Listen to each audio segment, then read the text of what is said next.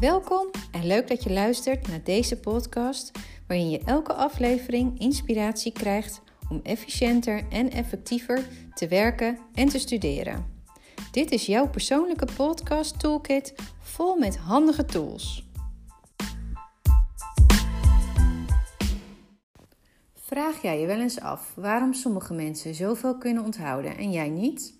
Zou je ook graag je zogenaamde geheugencapaciteit willen uitbreiden? Dat kan. De Loki-methode helpt je om dingen beter te onthouden. Het Loki-systeem is een methode die al afstamt uit de tijd van de Romeinen en de Grieken. Zij gebruikten het om theaterstukken, poëzie en literatuur mee te onthouden. Loki is Latijn voor plaats. Deze geheugenmethode is dan ook gebaseerd op het opslaan van nieuwe informatie op specifieke plaatsen. Je kan je geheugen gemakkelijk verbeteren door het gebruik van deze methode. Je bewandelt eigenlijk een virtuele route in je hoofd. Je bedenkt een bepaalde route, bijvoorbeeld door het huis of de route naar je werk. En tijdens deze route koppel je de dingen die je wilt onthouden aan plekken, voorwerpen en situaties. Je kunt het uitproberen met een boodschappenlijstje. Hoe gekker de combinatie, des te beter je het onthoudt. Want omdat de hersenen vinden dat je een ongewone combinatie maakt, trekt het onbewust meer de aandacht en onthoud je het beter. Deze methode van onthouden is een hele goede training van je geheugen. Hoe vaker je het gebruikt, hoe makkelijker en sneller je volgordes, eh, volgordes en dingen kunt onthouden. Laten we het eens uitproberen. Stap 1. Bedenk welke dingen je moet onthouden en zet deze op een rijtje. Wil je het lijstje ook op een bepaalde volgorde onthouden? Zet dan het lijstje direct op de goede volgorde. Als het kan, schrijf dan even met me mee. Ik wil bijvoorbeeld de volgende 10 boodschappen onthouden: brood, crackers, bananen, melk, boter, een chocoladereep, appelsap, geraspte kaas, zak chips en zalm. Stap 2. Bedenk een ruimte waar je vaak komt en waar verschillende voorwerpen staan. Ik gebruik zelf vaak het halletje bij de voordeur van mijn huis. Stap 3.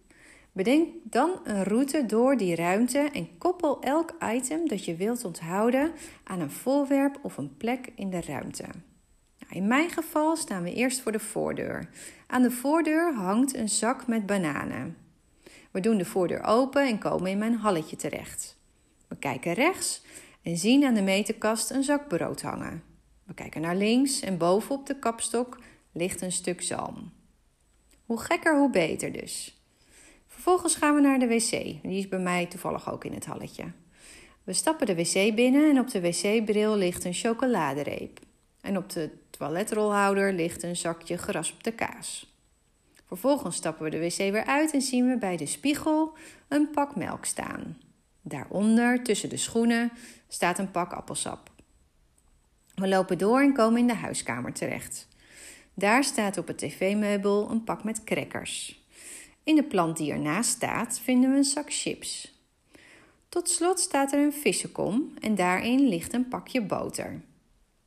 Nogmaals, hoe gekker de plek, hoe beter. Dit helpt je brein echt om alles te onthouden.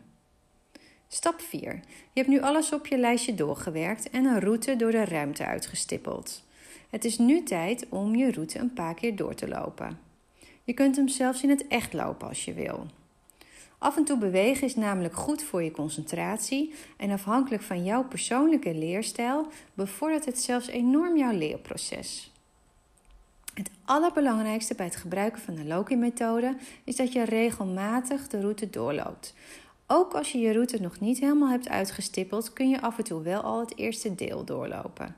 Zo wordt het steeds makkelijker om de gehele route te onthouden. Nou, misschien ben je van jezelf al heel goed in dingen onthouden en bijvoorbeeld rijtjes stampen. Dat hangt volledig af van jouw leerstijl.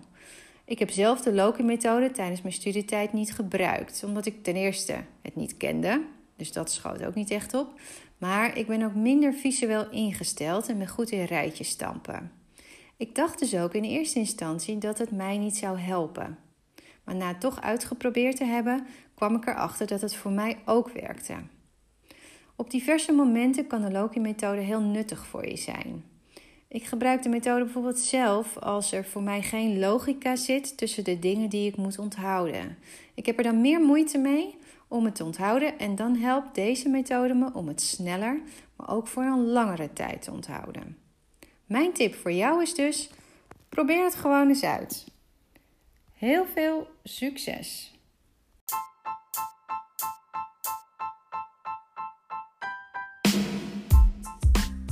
Dit was weer een tool voor jouw persoonlijke podcast toolkit.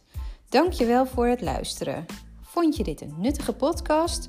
Deel hem graag met anderen. Wil je meer tools? Abonneer je dan op deze podcast, zodat je als eerste op de hoogte bent als er weer een nieuwe aflevering klaar staat. Tot de volgende keer.